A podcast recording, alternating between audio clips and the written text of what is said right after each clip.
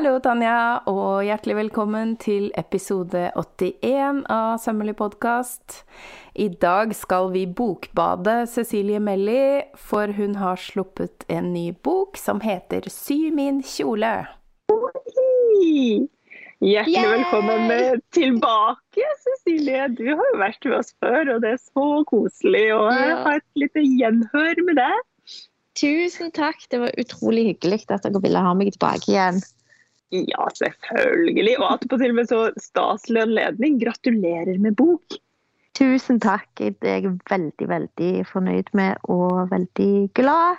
Og veldig stolt. Ja, alt i sammen. Utrolig Alle følelsene på en gang.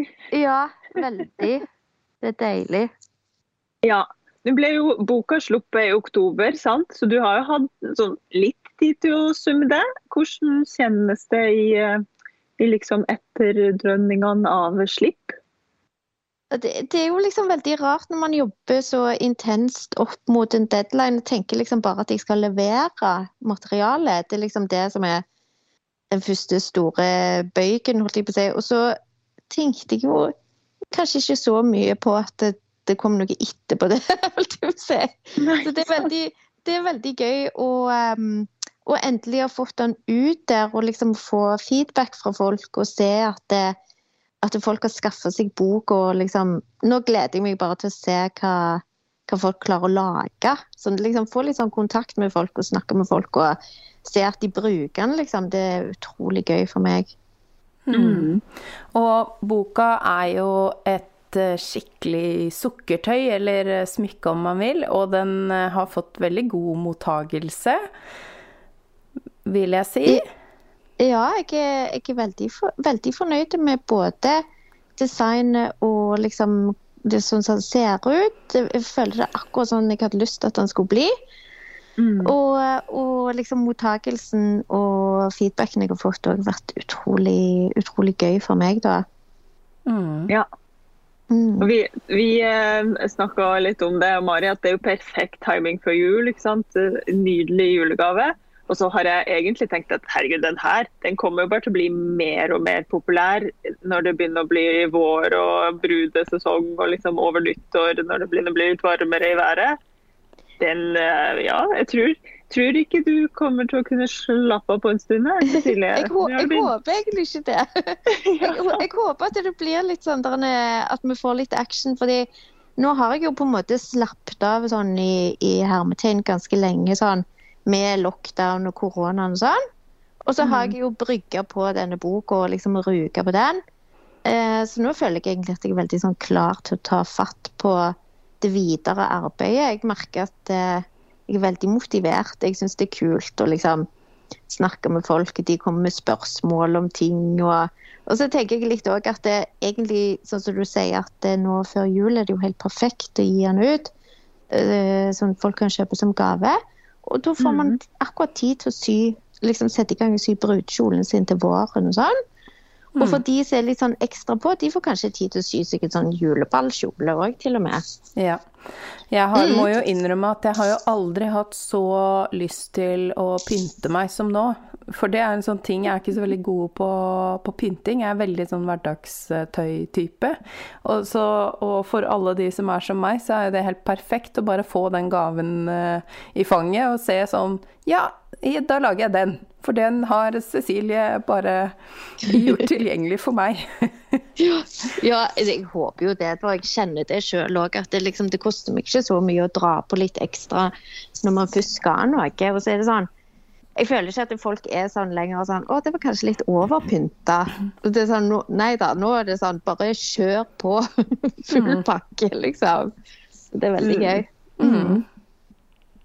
Kult. Nå sitter jo vi med hver vår bok eh, i hendene, jeg og Mari, og har eh, sett oss gjennom de og kosa oss eh, med denne flotte boka. Og da må jeg bare si, Cecilie, jeg, kjenner det litt, føler. Jeg- Ikke så veldig, egentlig, men jeg har jo en følelse av at jeg kjenner det. Fordi jeg følger det, og alt liksom får jo innblikk i livet ditt gjennom sosiale medier. Og jeg Ja. følte, uten å kjenne det sånn fryktelig godt, så følte jeg det var som å hoppe inn i hodet ditt når jeg Ja. åpna den boka her. det er veldig gøy, da. Det er utrolig gøy. Det tar som kompliment. Ja, det syns jeg du skal. Og så er det jo Språket også er jo veldig personlig, så det er jo sånn eh, på en måte en samtale med deg eh, om pentøy. Og det er veldig hyggelig. Ja, og så jeg har jo liksom prøvd å lage den litt sånn i tekstene, da, at, det, at jeg liksom eh, jeg, si, jeg har lyst til å ta liksom, folk inn litt sånn inn i mitt hode og inn i min verden. Hvordan tilnærming jeg har til dette faget, som mange syns er litt sånn skummelt. Og så har jeg liksom lyst til å ufarliggjøre det litt. Grann, og så bare liksom lære vekk litt sånn juksetriks. og bare liksom Her skal vi bare gjøre ting så enkelt som mulig, men allikevel så fantastisk som mulig. Så det er liksom det er litt det jeg prøver å få fram i det språket òg. At, at jeg liksom kan si sånn ja, Knapphull har jeg aldri vært god på, så her får dere et skikkelig dårlig knapphull om meg, liksom. at jeg liksom Ja, at vi kan ha litt sånn der Ja, at det skal føle, føles litt sånn lett tilnærmelig, da. At det ikke blir så skummelt. Mm. Mm. Det syns jeg du klarer veldig fint. Ja, så bra. Det syns jeg òg. Og samtidig så er det jo noen helt fantastiske kjoler man ser på på de bildene. Altså De presenterer seg jo så vakkert flott. Og så når du samtidig er så eh, jovial i forklaringene, så, så, tror jeg Jeg håper, eller jeg tenkte hvert sånn Å jøss, her tror jeg mestringsfølelsen kommer til å være høy hos folk. At de tenker sånn Herregud, for en vakker kjole. Og så liksom forklarer du det sånn ding-ding over en lav sko, så blir, ja. tror jeg man blir litt motivert til at ja, men da klarer jeg vel det her, da. Ja, det er det jeg håper på. Og så mener jeg jo òg at selve, liksom selve, snittene og designene er jo utrolig på en måte, Noen kan si at det liksom er simpelt, noen kan kalle det enkelt. Eh, sånn at det, det, er jo veldig lett å få den mestringsfølelsen av mange av de plaggene. Og så er det noen som er ganske vanskelige, der du liksom må være nøye. men Um, jeg har jo jobbet mye med designene i forkant, og mange av disse designene har jo jeg brukt liksom, i yrket mitt i 15 år allerede. Mm. Så jeg, jeg, vet jo at de funker, og jeg liksom vet at det funker på de fleste kroppene. Og så har jeg jo liksom jobba fram at det skal være så enkelt som mulig. Og da tror jeg òg at det, grunnen til at jeg liksom har hatt det fokuset hele veien gjennom designkarrieren min, er at jeg bruker en del sånn veldig kostbare materialer. Og da blir det litt sånn Når du bruker dyre råvarer, så skal man jo egentlig ikke bearbeide de for mye. Mm. Man skal jo egentlig bare la eh, råvarene få skinne og, og, ja, som sagt, ikke bearbeide de altfor mye. Det er litt sånn det er sånn som jeg har lært av kokker. liksom, Hvis du har en østers, du trenger ikke gjøre altfor mye med den. Mm. Eh, så ja, så, så, jeg har jo jobbet veldig mye med de designene. Men det var jo sånn når jeg liksom har eh, Når vi har snakket om boka tidligere, spesielt med, med, deg, Mari, så har jeg jo liksom nesten vært litt sånn eh, Unnskyld meg, det, du kommer sikkert til å synes det er altfor enkelt, alt det i boka.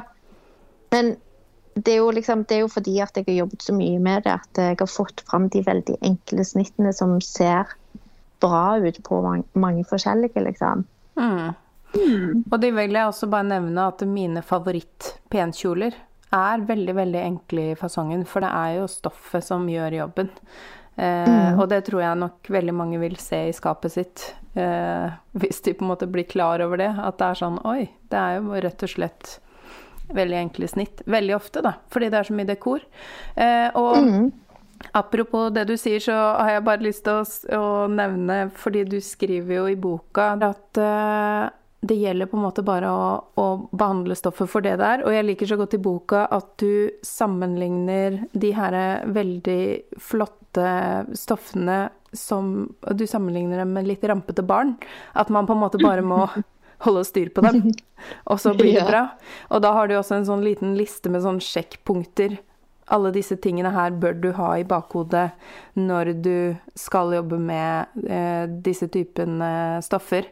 Og jeg syns det er så fint, for er, det er ganske tidlig i boka, og da får du en sånn Ja, jeg skal bare få skikk på denne ungen her, og jeg har disse reglene å forholde meg til, på en måte. Og nå gyver jeg løs. Og er, jeg liker så godt den, eh, den måten å tenke på. Det er jo også, du var jo litt inne på det da vi intervjua deg sist. Um, ja, det der å på en måte senke den terskelen og bare tenke at hva, hva kan jeg gjøre med dette stoffet på en enklest mulig måte for Mm. at stoffet skal bare få lov til å bli en nydelig kjole? Mm. Og det tenker jeg litt sånn at det, det, det har jo farga veldig designprosessen min når jeg jobber. At det på en måte er litt mer sånn intuitivt design. At det, jeg starter med, med selve materialet. Og, og liksom Ja, jeg snakket jo om det sist òg, at det, man må liksom sjekke litt hva det materialet har lyst til å bli sjøl. Hvordan er det det oppfører seg, liksom. For det, det har jo litt å si. Og da, da trenger man ikke å presse det materialet inn i en form som det egentlig ikke passer til å være, f.eks. Mm. Eh, Så det er jo liksom det der sånn så Hvis du har veldig sånn uregjerlige rampunger som er helt eh, ville og bare gjør sånn som de sjøl vil, så er det sånn Ja, hvordan kan du få hvordan kan du få det til å bli noe ut av de, liksom? Det er jo det, Man må jo få de til å skinne på sin måte. Mm. Uh, ja, og så bare geleide de, liksom lede de inn i den, i den formen som de passer til å være, da. Uh, og det syns jeg egentlig er veldig viktig, og det, det er derfor òg at det, um, det er liksom viktig med hva materialer man velger og sånne ting. Spesielt når jeg har så lite sømmer i plaggene. Det er jo veldig få deler til et plagg, f.eks. Eh, så da er det viktig at man velger det rette materialet, liksom. Mm. Men så igjen så har jeg jo prøvd i boka å vise at jeg tar eh, et eh, hovedplagg, og så prøver jeg å vise litt forskjellige varianter i forskjellige materialer. Sånn at man ser at OK, det der var kjempefint materiale, ser veldig dyrt ut, men du kan òg lage det i dette, liksom, som er litt enklere. Og så, og, og så utgjør det òg liksom vanskelighetsgraden av eh, å lage dette plagget. For det, det er jo mange som spør meg om det passer for nybegynnere eller viderekommende. Mm. Og jeg mener jo at det passer for begge, begge eller liksom for alle nivåer. Det bare, eh, det, du må bare sjekke sjøl hva slags eh, materiale du føler deg komfortabel med å bruke. Mm. Ja. Mm. Godt poeng. Veldig godt poeng. Jeg tenker også, altså For det første så er det en gavepakke eh, leserne får. Som du sier, du har jo så mange års erfaring med akkurat de materialene og akkurat de kjolene. Og så har du liksom kokt det ned til at dette funka, ikke kast bort tida di på andre ting. Typ. Mm. Vær så god. og så syns jeg det er så artig, for du, i boka så nevner du jo flere kjendisnavn. Og liksom nevner at ja, denne typen eh, kjole har den og den kjendisen. Og da syns jeg det er veldig artig å tenke på at liksom eh, Anne Grete i Ballangen kan sy samme kjole som Paris Hilton har. på en måte. Det, det, det finner jeg mye glede i. Ja, det syns jeg òg er veldig veldig kult. Det var så kult hvis at du liksom med nordmenn bare går rundt er sånn superglamorøs. ja. Og sånn, jeg har lagd den sjøl til liksom samme kjolen som Paris Hilton har. Og, ja, Det syns jeg er veldig kult. Og så er det jo Ja. sånn eh, Litt av motivasjonen for å lage bok òg er jo det at det, det er jo mange som kommer til meg med sånn Kan du lage en liten jakke som jeg kan ha utpå denne kjolen? Og da er det jo ofte sånn at det, jeg syns på en måte at de småplaggene som er veldig sånn brukende og anvendelige, de syns jeg ofte blir sånn for dyre til å kunne forsvare. Sånn, hvis jeg skal lage en, en bitte liten topp, så sier jeg sånn ja, den koster 5000. Så syns jeg det høres helt sånn vilt ut å si til en kunde. Eh, så da syns jeg det var veldig gøy å liksom putte de småplaggene som, som jeg har lagd fordi jeg hadde lyst på det sjøl, eller et eller annet. Så jeg kan putte de inn i boka, så folk kan lage det sjøl. Eller at du, hvis det er noe du har lyst på, så kan du spørre hun venninna di som er så flink til å sy, kan du sy denne til meg, liksom. Istedenfor at eh, Ja, jeg, jeg liksom, nesten syns det var litt sånn flaut å si hva ting kommer til å koste hvis, hvis jeg skulle lagd det til dem. Det er lettere når det er en hel brudekjole med masse tilpasninger. Da kan man liksom forsvare prisen. Mm. Mm. Men liksom de der småplaggene som egentlig er veldig sånn anvendelige, som man egentlig alltid trenger i en garderobe, de har jeg liksom syntes vært litt vanskelig å, å, å forsvare overfor kundene. at det koster så og så mye. At liksom, ja, det koster 10 000 for en topp, liksom.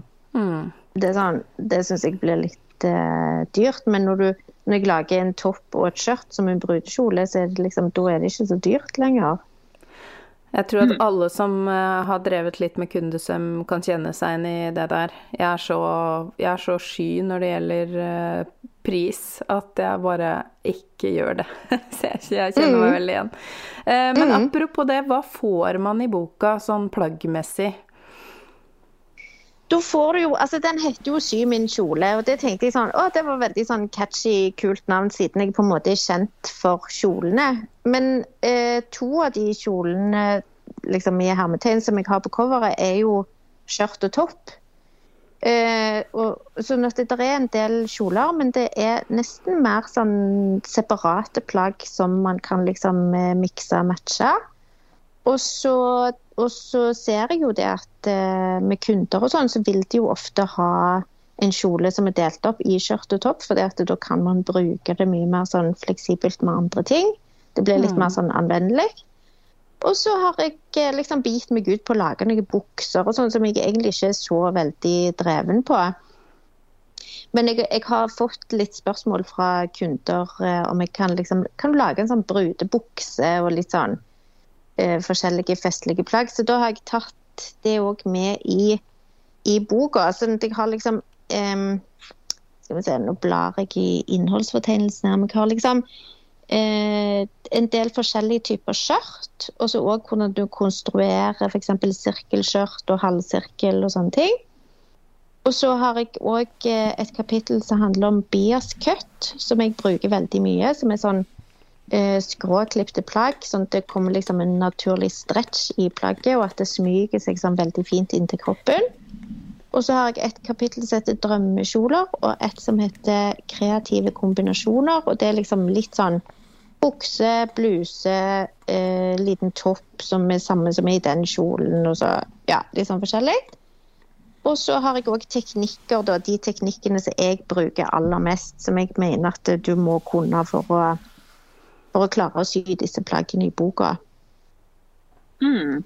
Ja, Så det er jo da- egentlig det meste du trenger for å kunne lage deg eh, eh, Ja, i hvert fall lage deg kjole. Og så tenker jeg òg litt at det, man kan nesten lage en sånn garderobe ut av hvis man er litt sånn kreativ sjøl og kan liksom føle seg trygg på å forandre litt på mønstrene og sånn.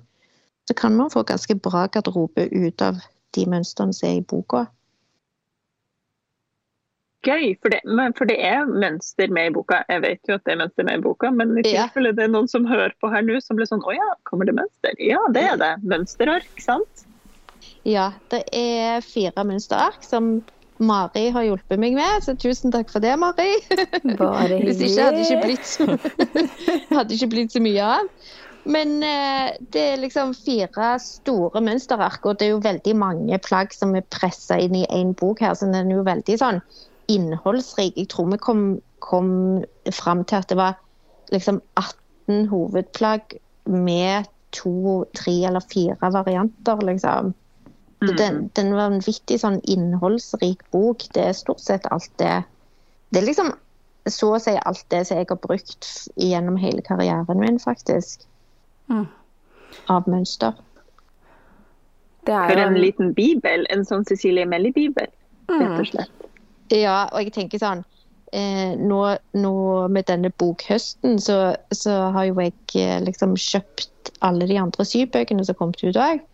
Nå Ja. føler jeg meg veldig trygg på at jeg egentlig ikke trenger Altså nå kan jeg lage meg alt jeg vil ha, liksom. Til og med sånn ting som jeg ikke er så god på sjøl, kan jeg bare bla opp i en eller annen av de bøkene. Så ja. Det, man trenger ikke handle noe klær framover nå. enig. Absolutt. Ja, så når vi nå først er eh, inne på innholdet i boka og plaggene i boka, så passer det kanskje fint å nevne hva vi har mest lyst til å si til oss selv fra boka. For nå har jo vi sittet og kosa oss med å bla i denne inspirasjons... Um, hva skal jeg si? Det er, altså, det er jo så mye fint. Um, så på min liste så står biaskjole som apropos helt sånne enkle plagg som man må ha i garderoben. Jeg har trengt en sånn underkjole kjempelenge. Um, og jeg hadde faktisk tenkt å lage mønster på en sånn stroppekjole, men nå kom jo den, så tenkte jeg da trenger Ja. jeg ikke det, for det har Cecilie. Helt supert. Yes. Og da har jeg jo akkurat den kjolen der, den har jeg jo skrevet i boka òg, at det, den altså, det, Den er jo litt sånn vanskelig å lage fordi at man må være så nøye med trådretningen. Det er liksom det, når man legger ut mønsteret, så må man være veldig nøye på hvordan man legger mønster i forhold til stoffet og sånn. Det er jo liksom det som er hele poenget med bias. Mm. Men da jeg skrev i boka at det egentlig Du kan bare sette i gang og sy en sånn bias-kjole og en bias-topp. Eh, som er liksom kjolen bare at den er klippet av eh, livet. Fordi at det, det, du kommer alltid til å trenge de to plaggene i garderoben uansett. Og Mm. den kjolen er jo sånn man kan bruke, den er jo kjempefin å bruke bare alene for seg sjøl. Men også òg som underkjole. For det er sånn jeg, jeg føler alltid at jeg mangler en underkjole til et eller annet jeg hadde lyst til å ha på meg, liksom. Mm. Mm. Eh, og da kan man liksom òg, hvis man handler klær, så går det an å kjøpe ting litt sånn litt mer ukritisk i forhold til hva skal jeg ha under denne her, liksom. For det, da har du det hjemme enten en, hvis du kjøper en gjennomsiktig topp, så har du den bias-toppen som du har lagd, eller så har du en kjole så du kan bare ta en blondekjole over, eller si at den er litt gjennomsiktig, eller noe sånt. Så det Mm. syns jeg var veldig bra valg, Mari. Det føler jeg sånn Ja. alle trenger det. Ja, det er en sånn garderobe Ja, den, den må man ha. Så da må jeg ha en lys og en mørk, selvfølgelig. Mhm. Um, og så tenker jeg at da kan jeg jo gå bananas og sy meg en organsakjole etterpå, som jeg kan ha Ja. utapå. Ja, og det som er så gøy da, når du har disse, er at da trenger du ikke fòre de kjolene du lager. Nei. Fordi jeg føler jo ofte at det, det, er, sånn, det er jo veldig kjedelig å fôre ting. Ja. Det, man vil jo bare se hvordan det ser ut ferdig, liksom. Men så føler jeg òg ofte at hvis man lager fôr i, eh, i kjoler, så får de liksom en annen sånn Akkurat som de blir litt flatere i eh, Ja, jeg føler på en måte at kjolen blir litt mer sånn tredimensjonal når, når du har en sånn løs kjole under. At liksom Mm. ikke fôret sitter fast i kjolen. Så får du liksom mye tydeligere fram dimensjonene i plagget, liksom. Eh, så, så jeg syns of, veldig ofte at det er vakrere å ha en kjole som ikke er sånn helt eh, fullfòra overalt. Og da er det veldig fint å ha bare en sånn kjole som henger løst under. Enig. Mm. Så det høres ut som et smart valg. Mm. Jeg har også eh, lyst til å lage volangkjolen. Og så har vi en felles eh, favoritt, så den kan Tanja få lov til å si. Mhm. Ja. ja, den felles favoritten er jo selvfølgelig den her knytetoppen, da. Altså, vi, vi har ja! sittet Så og gøy! nistirra og studert og bare OK, er det to stropp, er det tre stropper? Eh, kommer det Ja, fordi Og så fletter man de, og de kommer ut der, ja. Ja, skjønner. Ja. Sånn har vi sittet da med den. For der er jo så mange variasjoner man kan eh, kose seg med og liksom ja, leke seg og være kreativ. Og det er jo Ja, egentlig det- På det bildet av den knyttetoppen, eh, eller de bildene da, Mhm. eh, så har jeg jo fordi at den, den, akkurat den modellen har jeg jo hatt veldig lenge, og det er jo den som Paris Hilton har en variant av, og veldig mange andre. Eh, Ja. Så den, den starta jeg jo med kjempetidlig, og jeg hadde jo egentlig trengt å bare hatt den kjolen. på en måte. Sånn, jeg kunne bare lagt én kjole, for den, den kan du jo liksom endre så mye på og gjøre så mye gøy med. Mhm. Eh, og da har jeg liksom den mest basic eh, varianten er liksom den uh, lysegrønne varianten som er som full kjole um, i chiffon. Og så har jeg liksom vist den på litt forskjellige måter. Og da har jeg jo òg lagd en derne, eh, gul knyttetopp med ballongermer som er liksom etter, siden etter den eh, knytttoppen. Der har jeg lagt den i bomullsstoff bare for å vise, fordi at den er jo finest i, i sånn tynn chiffong chiffon. Og da kan du liksom knytte de båndene rundt livet, og så bygger det ikke så mye ut. Det blir ikke så tjukt. Men så vil ville jeg òg liksom Det er jo litt gøy å kunne lage nytt, litt, litt mer stødig stoff som kanskje føles litt mer som sånn nybegynner. Så da har jeg lagd den i et sånn småblomstret eh, bomullsstoff, og så bare lagt den som topp da, til en liten bukse. Og så tatt bare en sånn knytting akkurat mellom puppene, så de ikke går rundt livet igjen. Men der Mhm. de eh, knyttingene som jeg har vist, der var det sånn eh, Jeg gjorde det på hun modellen på bildet, og så var jeg litt sånn Å, denne varianten har jeg aldri lagd før i, i knyttingen. Det kommer jeg sikkert aldri til å huske igjen heller.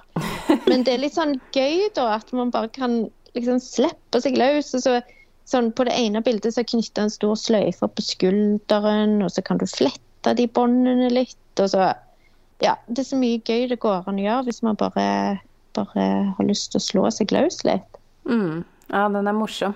Men eh, jeg har noen konkrete spørsmål til knytetoppen i bomull. Ja. er det For meg så ser det ut til å være ett bånd, og ikke tre bånd. Eh, Altså, det er jo fra hver side, da. Eh, ja. Der har jeg bare tatt ett bånd som er festa liksom under eh, Det er festa på en litt annen måte enn eh, enn på chiffongen. mm. Så der har jeg festa liksom ett eh, bånd i sidesømmen, rynker det i sidesømmen. Mm. Det er som en mer sånn, sånn bikinitopp-aktig, liksom. mm. Og så bare knytte, en knute midt foran. Og så har jeg liksom sydd den knuten fast med noen håndsting så den holder seg sånn. Ja. Så den er lagd litt annerledes, faktisk. ja, fordi den i, til chiffongtoppen, der festes de mer langs på en måte sånn uh, på, I den skjæringa over uh, Ja. puppene. Mm, I den overkanten, liksom. Ja. Og her er den i Mhm. sidesømmen. Yes. Mm. Stemmer. Nå er det jo lenge til sommer, men jeg har liksom alltid drømt om å være en sånn, en sånn sommerjente som går med sånne morsomme sånne type plagg på sommeren. Så tenkte Ja. jeg ja, den der. En sånn jente Ja, og vil jeg være. Ja, sant. Og så er det sånn, de der ballongermene, de lagde jeg jo bare løse. Så har jeg jo på modellen så har jeg bare festa de liksom med et par sting under armen. Men jeg tenkte sånn, de kan vi jo feste litt sånn at de kan være avtagbare, så man kan ta de av og på, sånn bare for gøy. Mm. Og så syns jeg jo sånne ballongermer de er veldig gøy akkurat nå for tida. For det, man ser det mye liksom, brukt på forskjellige typer kjoler. Da tenker jeg òg at det, eh, sånn type sånn korsettkjoler, sånn strapless, som man kanskje syns er litt sånn outdated. At det ikke er så vanlig å gå med sånn strapless-kjoler lenger, sånn som det var for en periode siden. Alle kjoler bare skulle være sånn. Så kan man liksom sy noen sånne ballongermer og, og ta på, så ser det liksom plutselig så mye kulere ut. Så det er jo et sånn litt tips. At Ja. de ballongermene er liksom sånn accessory, nesten. Ja. Kan sikkert bare lage en trykknapp under armen eller et eller annet sånt for å få det til å henge. Kjempelurt. Sant. Mm. Veldig Mm. lurt. Og du, nå, jeg har jo en favoritt til jeg, da. Som Ja, jeg kom med det. og det er den der en helt enkle Jeg bare ble sånn Først så ble jeg sånn Å ja, herregud. Sirkelskjørt. Jeg må lage meg 1000 sirkelskjørt med masse, masse vidde. Men så kom jeg til side 122 og så den blonde toppen med sånn helt plain vedutringning bak. Én hekte som lukka den. Og bare sånn Ja, vet du hva? Det enkle er jo ofte det beste. Og Ja. bare begynte med en gang å tenke sånn det her er jo perfekt til både skjørt og bukse og alt mulig rart, og kan sys i så mange stoffer.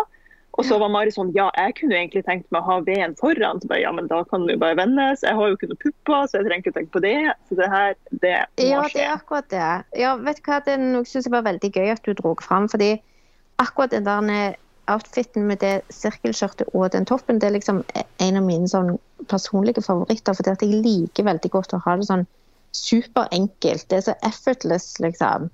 Mm. Eh, og da er jo den toppen basert på den volangkjolen som du kan liksom snu fram eller tilbake alt etter som hvordan du vil ha utringningen. Og da ser jeg liksom at de de som kanskje ikke har så store pupper, de kan fint ha den som er litt sånn høy i halsen, mens de som har litt mer pupper, de vil gjerne ha litt luft i utringningen, for da på et eller annet mirakuløst vis så virker jo på en måte puppene litt mindre Mm. Mm. eh, jo mer utringning man har, liksom. Så, så, så det er noe veldig fint å bare svisje om og lage åpningen enten den veien eller den veien. Men mm. den liker jeg så godt, den toppen der. Og på det ene bildet så har jeg jo bare tatt en sånn bralett, eller hva det heter, som jeg kjøpte på HM, som var sånn blonde BH med sånn blonde kant rundt livet. Litt sånn brei, kanskje sånn fem centimeter, eller hva det er. Så Ja. ser det liksom ut som en topp. For jeg syns ofte det er fint hvis man har sånne eh, topper som er litt vide. Så syns jeg det er fint å ikke fòre de òg, for det, det er litt fint når du ser silhuetten din sånn skimte seg vidt liksom. gjennom. Mm. Ja. For da ser man ikke bare sånn uformelig ut, da, da kan man liksom se litt konturen av kroppen inni. Og så er det jo fint når det bare er helt sånn diskré, liksom veldig sånn eh, ikke, ikke så in your face. Og så er det så kult med blonde òg, for det som jeg har erfart, er at det, Den toppen er jo lagt i to lags blonde for at den skal bli litt mindre gjennomsiktig. Men det er liksom, hvis du tar blonde på blonde på blonde, så blir det sånn en kamuflasjeeffekt for øynene. for det da klarer du ikke helt å se liksom, hvor er det kroppen begynner, hvor er det toppen slutter. Altså, liksom, det blir veldig sånn, det er forvirrende for øynene. Sånn at det, eh, det er ofte fint hvis man har gjennoms en gjennomsiktig blondetopp, å ta en blonde BH under. For da får du mye mer sånn smoothere overganger mellom undertøy og topp, f.eks. Hvis dere mm. skjønner hva jeg mener. Jeg vet ikke om jeg klarte å forklare det. Men det syns jeg i hvert fall er veldig sånn optisk eh, bra kamuflasjeeffekt med blonde på blonde. Godt tips. Dette har jeg aldri mm. reflektert over, så det er så deilig når man bare får sånn Ja! Ja, men da vet jeg det. Ja, og det, og det er jo sånn som jeg har erfart og vi har sett utallige av de brudene mine i, eh, i blondetopper. Så kommer de kanskje med en sånn hudfarge, glatt bh. For de tenker at det er sånn den er på en måte usynlig. Mm. Men de er jo ikke det. De er jo liksom akkurat som du ser det enda bedre. og så Spesielt nå når eh, folk eh, Det kan skje at folk tar bilder av deg i alle bauger og vinkler uten at du var klar sjøl, liksom. Mm. Så, så, er det jo ofte sånn at hvis det da er litt sånn at det begynner å bli litt mørkt og kanskje litt sånn hardt lys, så skinner jo ofte de der hudfarga bh-ene veldig sånn igjennom de gjennomsiktige stoffene. Så det mm. ser nesten litt sånn ut som du har sånn plastpupp eller et eller annet sånt. og da har jeg liksom erfart eh, ofte at det, den der kamuflasjeeffekten som blonde på blonde gir, at du kan se litt Det blir liksom litt av huden, litt stoff i det laget, litt uh, stoff i det laget. Så ser det så mye lekrere og mer sånn eksklusivt ut.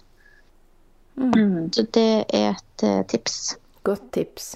Og den mm. blondetoppen er jo sikkert kjempefin over biaskjolen også, hvis man ikke vil være så veldig sånn avkledd, men ha noe sånn helt klassisk og enkelt. Mm. Den kan du bare putte på der du vil. Den er jo sikkert kjempefin til bukser òg, liksom. Mm. Ja, det tenker jeg òg. Litt mm. sånn mm. bukser som er litt sånn høyt på livet. Ja. Mm. Som masen. Altså, nå må jeg fram med den der kassa med alle blonder og pentøystoff som jeg bare har kjøpt fordi jeg ikke klarte å la være, som har ligget i årevis. Eh, så vi får se. Kanskje det er i år det blir julekjole. Det ble jo ikke det i fjor.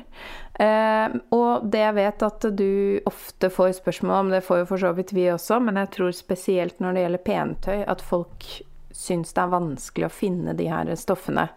Eh, så derfor så lurer vi jo litt på om du har noen tips eh, til det, hvor, hvor du f.eks. finner dine stoffer. Ja, jeg, eh, er egentlig veldig glad for at dere spurte om. For det, som, som, du sa, så har jeg jo fått en del spørsmål på det. Og det gikk vi litt sånn igjennom når jeg lagde boka òg. Fordi jeg har jo lagd boka med de stoffene som jeg har liggende hos meg. Mm. Eh, eller plaggene til boka, da. Sånn at jeg har jo liksom ikke eh, Jeg har ikke skaffa så veldig mye sånn ekstra for å kunne lage boka om. For det, jeg, jeg, har jo alltid så mye materiale liggende, så det var bare, bare, dumt å gå ut og kjøpe nye ting, liksom. Men, men da var det jo òg sånn i forhold til forlaget, de var veldig sånn Men du må passe på at det blir litt sånn tilgjengelig for folk flest. At det, at det er materialer som folk flest kan uh, få tak i og bruke. Og så, eh, så, har jeg jo fått kommentarer sånn Ja, kjempefin bok, men eh, vi får jo sikkert ikke tak i de fine stoffene som du har. Så, så er det jo sånn at jeg har liksom eh, stoffleverandører som er Jeg får jo spesiallagt stoffer, liksom. Jeg har leverandører som, som, er veldig eksklusive. Mange av de materialene i boka de koster kanskje sånn 3000 kroner meteren. Hmm. Mm. Eh, og det er jo liksom ting som jeg bruker til kundene mine når de bestiller brudekjoler. Når ting skal være litt sånn flott, så får de jo de fantastiske materialene. Sånn som den blondene som er på den toppen eh, som vi snakket om nå, eh, den enkle singlet-toppen. Det er jo liksom blonder som er lagd av et fransk selskap som òg lag, lagde blondene til brudekjolen til Grace Kelly og sånn. Så det, mm. det, så det, er jo skikkelig flotte ting. Men det som jeg sier, at jeg føler ikke ofte eh, Det er liksom greit at det er en viss kvalitet på stoffene, og jeg syns jo naturmaterialer funker bedre enn en syntetiske. Men jeg, jeg, sier til folk at jeg handler òg liksom stoffer på Stoff og Stil og på Rainbow, og jeg handler på nettet. og Så jeg har liksom lagd et par innlegg på det i sosiale medier. Og så prøver jeg å følge opp litt nå da, i, eh, på Instagram, sånn at jeg eh, syr opp enkelte modeller med stoff som jeg har vært i Oslo på eh, forskjellige stoffbutikker og kjøpt. Og så syr jeg opp varianter som jeg viser nå på sosiale medier nå i etterkant. Sånn at, det, sånn at folk kan se at det lar seg gjøre. Men så er det sånn, det er jo flere som har spurt meg kan jeg, hvor kan jeg få tak i akkurat det stoffet der. Så det er spesiallagt, men du kan bestille det av meg hvis du vil. Men du må være klar over at det koster 3000 kroner meteren. Og da er det sånn Å ja, kanskje ikke det var så aktuelt likevel. men, eh, men, jeg har liksom eh, Folk har spurt meg om silke og ganser i forskjellige Jeg kan liksom skaffe det til, til folk hvis de henvender seg til meg. Og hvis ikke, så har jeg liksom sendt de link til, til sånn som Rainbow og sånne ting. For jeg vet at eh, der som jeg kjøper en del av stoffer, det er de samme som, som selger til Rainbow Fashion, f.eks. Mm. Uh, så, så det, det, er jo virkelig sånn Det er jo tilgjengelige materialer å få tak i rundt omkring, men jeg tenker kanskje at det, man kan styre For å få liksom den fine looken, så kan man styre under de mest sånn De som skriker at de er syntetiske, liksom. Eh, fordi at det ofte da så blir det litt vanskeligere å sy òg, fordi stoffene er kanskje ikke så lette å behandle. De som er de aller billigste, så, så gjerne litt dårlig kvalitet. At da blir det litt vrangere å sy i. Men jeg mener liksom helt uh, ærlig av hele mitt hjerte at det, du kan få disse resultatene ved å gå på helt normale stoffbutikker og handle, handle der òg. Ja, så akkurat nå så holder jeg på med Jeg har jo liksom siden jeg har kjøpt så mange fine sybøker sjøl, så har jeg lovt meg sjøl at det skal være sånn shoppestopp på klær denne, denne, høsten, og helst utover våren òg. Fordi at nå skal jeg sy alle klærne mine sjøl. Og da har jeg jo vært og handla masse fine sånn blomstrete bomullsstoffer. For de òg er veldig lette å håndtere, veldig lette å sy, lette å klippe og alt det der. Og så har jeg liksom begynt å sy opp mange av de tingene fra min egen bok i litt sånn hverdagsvarianter. Mm. Sånn at de ikke er så luksuriøse, men at du kan putte det i vaskemaskinen og, og sånn. Mm. Det er lurt. Og du kommer eh, nok til å bli glad i øynene fremover nå, når, eh, når folk begynner å sy fra boka òg, og finner på sine egne varianter og bruker de stoffene de har og sånn. Ja. Det kommer vel mye inspirasjonsbilder fra folk og fe der ute, og kanskje lytterne våre etter hvert òg. Ja, så, så, ja, variasjoner. Ja, altså akkurat nå er, jo, nå, nå er det ikke så lenge siden boka kom ut, så folk har sikkert ikke fått tid til å sy så mye. Men det var utrolig gøy når liksom, allerede første helga så fikk jeg spørsmål om ting. og da var, da var, det hun Da var det ei som oppdaget liksom første feil allerede den første helga. eh, ja, så det, det, og folk liksom sender bilder av hva de har lagd og sånn. Jeg, jeg blir så glad av det. for jeg syns det er så rørende. Jeg blir helt sånn, jeg kjenner ble helt gira, liksom. Så mm. det er veldig veldig gøy å se. Så, det er jo liksom akkurat som disse plaggene er litt sånn ungene mine. Det sånn, jeg føler alltid det med kjolene at det er litt ungene mine. Og da er det så gøy å liksom sende det ut i verden og så se hva det kan bli, liksom. Hmm. At folk kan ja. slå seg løs og forandre litt på mønstrene og ja. Benytte seg av det og lage sin egen vri og sånn. For det som liksom er hovedmotivasjonen, er jo at folk skal få den Oppleve den gleden og liksom kunne gi kunnskap videre. For jeg, jeg er jo sånn oppriktig redd for at det, disse denne kunnskapen skal forsvinne.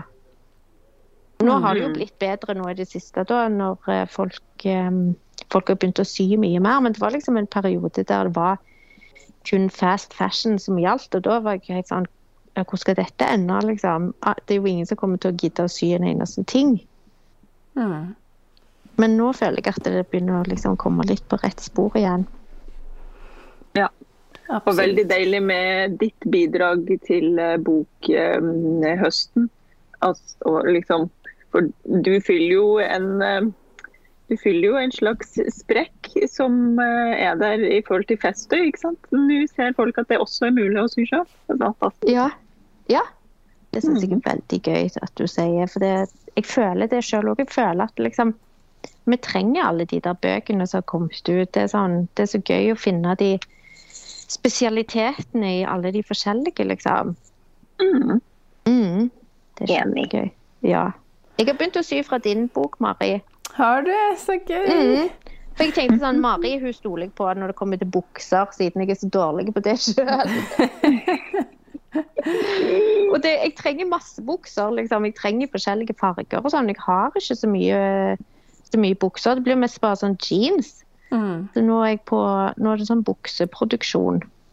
Så gøy. Mm. Er det hastig, Ja. da, eller? Hæ? Er det hastig du er i gang med? Nei, jeg tror det var, jeg tror det var jeans. eh, Ja. Jeg tok jo også modifiserte mønsteret litt, selvfølgelig. Ja, ja, ja, men det Ja. må man jo. ja. Ja. Så jeg lagde liksom uten lommer og sånn, da, men bare med et sånn bærstykke bak på rumpa Ja. og sånn. Mm. Kjempegøy. Det gleder Ja, jeg meg til å se. Ja. Jeg er ikke ferdig da, men snart. Så gøy. Og Ja. nå har vi jo snakka litt om eh, stoffer, og så lurer jeg på, har du et favorittstoff som er sånn Hvis du trenger liksom å, å, en seier, da, for å si det sånn, hvis du må, vil sy noe du vet at du kommer til å bli fornøyd med, hvilket stoff går du for da? Jeg tror kanskje akkurat nå så tror jeg at det er litt sånn silkeorganza som jeg har litt diller på.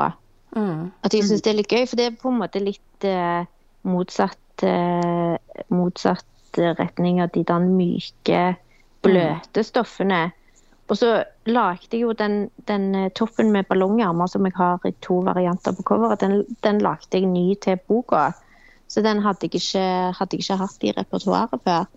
Så jeg har fått sånn diller på den toppen. Jeg elsker de der svære ballongermene, for jeg syns det ser så fancy ut med en gang. Mm. Eh, det, er så, det er så lett å pynte seg hvis du bare har noen sånne store ballongarmer. Liksom. Så da, og da føler jeg at jeg får litt sånn full effekt av sånn puff og ballonger og alt det greiene hvis jeg bruker litt sånn stivere stoff. Så da syns jeg silkeorganser for tiden er det som gir meg mest. Eh, men så har jeg òg funnet ut nå Jeg driver og lager samme toppen i et linstoff har jeg lagd den i, og så har jeg lagd den i bomullsstoff. og Det blir litt samme samme effekten, at de puffvermene står litt sånn av seg sjøl. Mhm. Så akkurat nå så er jeg veldig sånn gira på silkeorganza. Det syns jeg er veldig gøy. Ja, det er veldig morsomt det at det er gjennomsiktig og liksom har masse sånn futt i seg. Ja, Mm. det er det. Man kan liksom spille ganske mye på det, og da kan man jo òg liksom gjøre sånn at det, eh, liksom silhuetten og kroppen er synlige inni det der store puffvolumet, liksom, som er ganske gøy. Mm.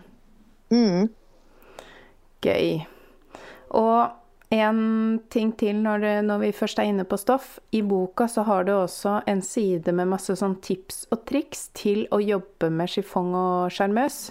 Altså de mykere, eh, litt mer glatte og urele- uregjerlige stoffene. Eh, Sånn at for de som tenker at silkeorganse er trygt fordi det er litt sånn fast og stivt, så, så fins det også muligheter i boka. Mm.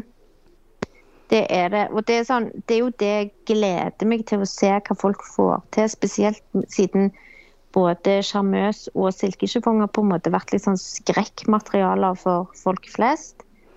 Og Mm. det, er liksom, det er ikke de aller fleste som begir seg ut på det. Men det er jo liksom der jeg prøver å gi folk litt selvtillit med at det, det, det liksom det er vanskelig, men du, igjen, du må bare gjøre det som materialet har lyst til å gjøre sjøl. Og så får du jo teknikken ganske kjapt hvis man setter i gang med det. Og da er det igjen det der som jeg har snakket om tidligere og skrevet i boka òg, at det, hendene får jo liksom sin egen intelligens hvis du øver. Hvis du bare gjør ting på nytt og på nytt og på nytt, så er det akkurat som hendene plukker det liksom opp nesten før du har forstått det sjøl. Og så vet liksom hendene hva de skal gjøre for å, for å få det til. Og det syns jeg er så utrolig sånn tilfredsstillende følelse. For der syns jeg at man kan merke liksom progresjon ganske fort. At med en gang du tar et sånn materiale i, i, mellom fingrene eller i hendene, så er det akkurat som du blir helt sånn Du vet ikke hva du skal gjøre for å få det til å holde seg sånn, sånn, sånn. Men så liksom etter hvert, når man setter i gang, så er det akkurat som hendene finner en vei, liksom. Og akkurat det føler jeg skjer ganske fort. Mye fortere enn hva en liksom, hvordan hjernen min klarer å forstå hva det, hva det er jeg skal gjøre. Så Det synes jeg er veldig sånn motiverende å kjenne liksom, at jeg, hendene jobber litt på lag med de materialene. Så jeg tenker litt sånn igjen det der med vanskelighetsnivå at det, hvis du er innstilt på at dette har jeg lyst til å lage, dette er noe som jeg har lyst til å se ferdig, eh, dette plagget har jeg lyst til å få til, så er det egentlig bare til å sette i gang. Og så må man jo liksom bare tenke at nei, jeg må bare øve meg, liksom. Det er bare mm. det som mm. skal til. Og ja. igjen det der med å ta opp ting og sånn at det liksom Når du syr, så må du være innstilt på at du må sprette opp. Det må du bare. Jeg gjorde det senest i går kveld når jeg skulle sy noe som jeg har sydd mange ganger før. Så var det sånn Oi, her har jeg klippet et eller annet rart. Her må jeg ta opp og gjøre det på nytt, liksom. Så ja. Så det må vi bare være 100% innstilte på. Ja. Og hvis, mm. hvis lytterne våre nå fikk litt sånn å gud, jeg vil vite mer, har litt flere tips, så har vi jo en episode med deg tidligere der du har delt uh, mye og masse. Som er episode 63, hvis noen lurer, så kan man ta en sånn gjenlytt. En ja. fin uh, Cecilie Melly-kavalkade. mm, kult. Men Cecilie, vi kan jo ikke slippe deg helt før vi har fått vite bokas feil, og kanskje også litt grann eh, innspo fra deg. Har du noe du vil dele, sånn når vi er inne på sprettekniven? Ja. Jeg, har jo, jeg nevnte jo så vidt at allerede første helga etter boka var gitt ut, så fikk jeg tilbakemelding om første feil. Og det la jeg jo ut på Instagram òg her forleden dag, fordi Eh, det, det, var liksom eh, Det var jo den der toppen med ballongermer som jeg eh, har snakket så mye om nå, som jeg er så glad i sjøl, så jeg har fått litt diller på. Der er det liksom på mønsteret så er det at ermet Det står ikke at ermet er mot fold, sånn at det er et halvt erme på mønsteret. Og da tenker jeg litt sånn Ja ja, men du ser jo det når du lager det, liksom. At det skulle ikke være halvt erme. Uh, og det fikk jeg beskjed fra ei som var sånn Jeg regner med at jeg skal speile dette, men det står ikke noe her. Så jeg bare Ja, ja, du regnet med riktig. Kjempebra. Flott jobba, liksom. Og så i, var det vel her om dagen, sånn nå nettopp, så var det ei sånn søt hun bare Jeg har aldri sydd noe i hele mitt liv og hadde så lyst til å sy den toppen, men jeg får liksom ikke samme puffen som du har på den. Hva er det jeg gjør feil? Og så sier jeg sånn Ja, men det kan godt være at det har noe med konsistensen på materialet, at den ikke puffer seg like mye. Og så kan du bare dra den strikken på ermet opp, sånn at du får større ballong, eller dra det ned for å få litt dempa, liksom. Du bare Nja, jeg tror kanskje at jeg har klippet feil, for det eh, Ja, og så var det jo det at du hadde bare klippet et halvt erme, liksom, til den toppen. Og klart å sette inn? Ja, som et hardt erme. Det er jo fantastisk bra, ja. tenker jeg. Da har hun faktisk jobba ganske hardt. Ja. ja og, så, og, så, sa hun liksom ja, dette er mitt første syprosjekt, så meget mulig at jeg, det var litt dumt at jeg ikke skjønte det, liksom. Men eh, så sendte hun bilde, da. For jeg var sånn ja, men se en bilde av toppen, jeg har så lyst til å se hvordan den ser ut. Og da var den jo veldig, veldig fin. Det så jo ut som det var meninga, men det var jo bare det at det, det, liksom, det var ikke de store ballongermene men eh, da, det var så gøy å se liksom, at vi hadde fått det til. Eh, så da måtte jeg lage et sånn lite innlegg som bare advarsel. Hvis du skal lage denne, så liksom vær litt obs på det, liksom. Mm. Ja. Eh, ja. Så det, det, var den eh, feilen som, som, jeg har funnet til nå. Men jeg tenker litt sånn at eh, det kommer jo sikkert til å dukke opp mer. Jeg, jeg har lest korrektur til kramper har tatt meg, men det er jo helt utrolig hvor ting man kan overse og sånn, liksom. Det kan jeg bare si meg veldig enig i. Det, ja. det, er helt umulig å se de feilene når man har sittet og sett på det selv. Mm. Det er faktisk det. Og så, jo, så har jeg fått eh, det, var, det, er jo ikke en feil, men det, jeg har eh, fått en del spørsmål om materialmengde per plagg. At jeg ikke har skrevet det noen steder. Og da tenkte jeg så utrolig mye på det når jeg lagde boka. At det, jeg må jo skrive hvor mye materialer det går liksom, når du skal lage dette plagget. Men så, jo mer jeg tenkte på det, jo mer var det sånn åh, det er så mange variabler som spiller inn. at det uansett hva jeg sier, så føler jeg at det kan bli feil hvis folk forholder seg bare til det. Mm. Så da har jeg faktisk tatt et sånn bevisst valg, da, at jeg ikke For det, liksom, det har jeg fått litt sånn tyn på fra folk at det, jeg vet jo ikke hvor mye materialer jeg skal bruke til denne her. Eh, men da har jeg sagt, da har jeg liksom lagd et lite sånn tips på at du må tegne ut mønster i den størrelsen du skal ha først. Og så har jeg sjøl lagt mønsteret på gulvet eh, og bare lagt et målebånd i hver kant som en sånn Dette er bredden på stoffet. Og så legger jeg mønsteret ut, sånn så ut ifra om jeg kan legge det den veien eller den veien. Skal det ha print, skal det ikke ha print? Går printet bare én vei? Er det fløyel? Er det liksom sånn som bredde? Hva er krympprosenten hvis jeg skal vaske det? Altså, det er så mye ting å tenke på. Mm. Så da har jeg liksom òg lagd et sånn lite tips på Instagram da, med at eh, du må egentlig bare starte med å tegne ut mønster, og så legge det ut på gulvet og så måle sånn cirka. Og det er, sånn, det er veldig mange som sier sånn åh, ja, men det er så kjedelig å tegne ut. Man vil jo helst bare gå og kjøpe materialet først, og så bli inspirert av det. Men jeg tenker litt sånn, ja, det kan du godt gjøre, men da er det på en måte ditt eget ansvar hvis du har for lite. Og så er det òg ditt eget ansvar å være litt sånn ordentlig hvis det er viktig for deg å kjøpe akkurat så mye som du bør ha. Så er det liksom ditt eget ansvar å være litt ordentlig fra begynnelsen av. Tegne ut mønster og måle opp og sjekke ordentlig. Så det, så det har jeg liksom faktisk bevisst vært litt sånn ansvarsfraskrivelse fra min side. At, eh, at jeg ikke har tatt med i boka da. Mm. Det er vanskelig. Jeg er helt enig med deg akkurat det der med, med, stoffmengde. Fordi det er jo sånn Ja, men det er forskjellige bredder osv. Men, eh, men det er jo i hvert fall bra at man eh, er åpen om sånne ting, tenker jeg. Og heldigvis så klarer jo folk å finne ut av det. Ja. Og det syns jeg òg faktisk at de som Hvis du går i en fysisk stoffbutikk og du ikke handler på nett, så syns jeg at de som hjelper deg liksom, med å klippe stoffer, de er ganske flinke til å gi gode anbefalinger på hvor mye du trenger, liksom. Mm. Mm. Så det er bare til å spørre om hjelp, liksom. Ja. Mm. Absolutely.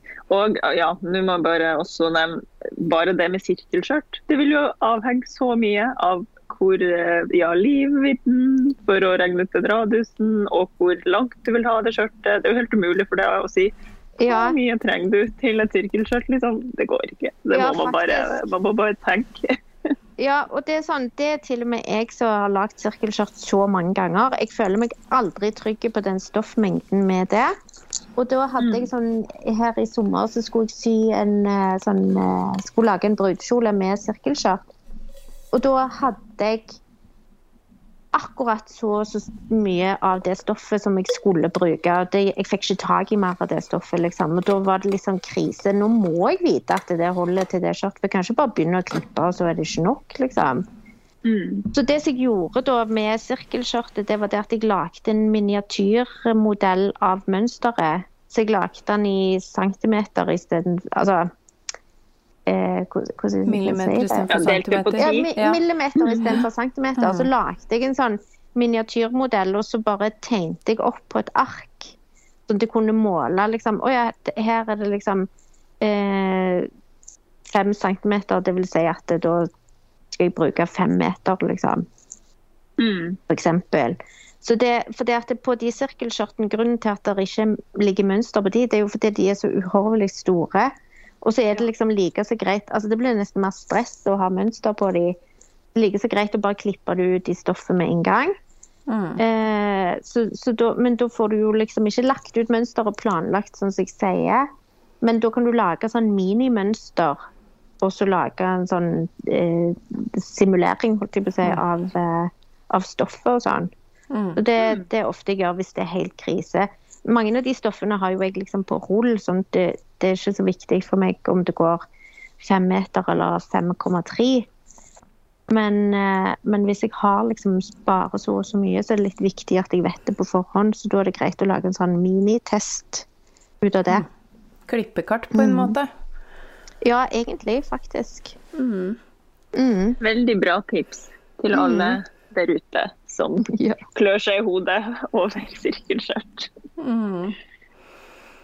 Gøy! Kunne, er det, har du en egen slags eh, bokas innspo? Noe kanskje du ikke fikk plass til i boka, men som du gjerne vil forkynne til lytterne våre likevel, eller noe sånt?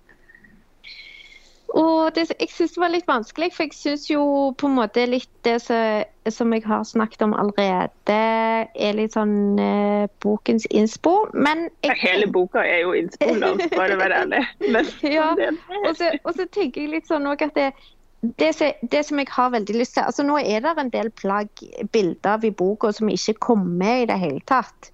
Fordi at det, det ble så mye materiale. Så jeg har liksom på noen av variantene så har jeg putta f.eks. på Bias-skjørtet så har jeg putta på noen topper og sånn som ikke, som ikke made it through til, til å få være med i boka. Eh, men, men jeg håper liksom at når folk kan se litt på de, så kan de òg få litt sånn inspirasjon til at det, liksom, hva man kan lage. Og så tenker jeg at det, det som hva skal jeg si, det som er liksom den beste inspirasjonen med hele boka, er jo at du kan tenke hvordan du kan liksom hacke disse mønstrene på forskjellige måter til at det passer, passer det du har lyst til å, å designe sjøl. Liksom. At folk kan lage sine egne design basert på, på mønstrene i boka. Og da har jeg jo nå nettopp sjøl så lagde jeg en variant av den eh, toppen med ballongermer bare som skjorte med skjortekrage på og knappestolpe foran. mm, Eh, så, det, så det har jeg veldig lyst til å oppfordre folk til. Altså liksom bare Husk at det går an å mix and match. At du kan ta den overdelen til det skjørtet, eh, så ser det ut som en helt annen kjole f.eks. Eller endre litt på volumet på ting, eller liksom Bare teste ut litt forskjellige ting. Det er sånn som jeg håper at jeg får se at folk gjør. Og eh, ja. Det hadde vært litt spennende, egentlig. Mm. ja. Fin innspo. Mm. Mm. Da sender vi det ut som en sånn utfordring ut i universet der ute. Og så satser vi på at du får masse i retur av bilder av ting folk har kreert. Ja, det gleder meg til. at Det er en rene julaften for meg når jeg får se sånne ting. Mm. Og da, hvis de eh, vil se hva du gjør og dele med deg hva de gjør, så finner de deg på Instagram. Du er vel Cecilie Melli der også? Ja, det stemmer. Da har jeg Jeg har jo liksom en Cecilie Melly behind the scene òg. Der er det litt mer sånn sammensurium og rot og skrot av alt det som ikke går helt sånn som jeg hadde tenkt, og litt sånn hverdagsliv og sånn. Mens den som er den offisielle ansiktet utad, der alt ser eh, perfekt ut, det er Cecilie Melly på Instagram. Mm. Mm. Gøy. Og boka finnes i de fleste bokhandler, om ikke jeg tar helt feil. Ja, det er jeg nesten sikker på faktisk at de gjør. Mm. Mm. Kan man bestille direkte fra deg hvis man vil ha den signert, Cecilie? Ja, da har jeg eh, min egen nettbutikk som jeg har eh, smykkekolleksjonen min i. sånn. Der har jeg òg eh, boken, og da kan man bare krysse av om man vil ha den signert, og eventuelt om de vil ha en eh, personlig hilsen, f.eks. hvis det skal være en gave til noen. Så kan jeg skrive, skrive en personlig hilsen til de inni der. Mm. Veldig stas. Ja, og da heter jo nettsiden min heter jo ceciliemelly.com. Veldig godt poeng. Mm. Men da vet jo alle både hvor de kan få tak i boka, og hvor de kan få tak i deg, og hvem de skal sende bilder av sine vakre kreasjoner til når de er klar. Så da kan vi jo si tusen hjertelig takk for nok en eh, fin prat og et eh, herlig lite bokbad, Cecilie. Tusen takk for at eh, dere ville bokbade meg. Det var utrolig stas. Og ja, jeg gleder meg sånn til å høre, høre hva dere syns, og alt dette her var veldig gøy. Hurra! Hurra! Takk for besøket, og tusen takk for i dag. Takk for i dag. Ha det. Tusen takk for at du hører på Sømmelig podkast, Og takk til Andreas Prestmo i Wildtagen Studios for lyd og klipp. og til Synnøve Overid for den fine musikken. Liker du kaffe? Det gjør vi òg. Hopp inn på patrion.com slash sommerlig og spander en månedlig kaffekopp på oss. Patrion.com slash sommerli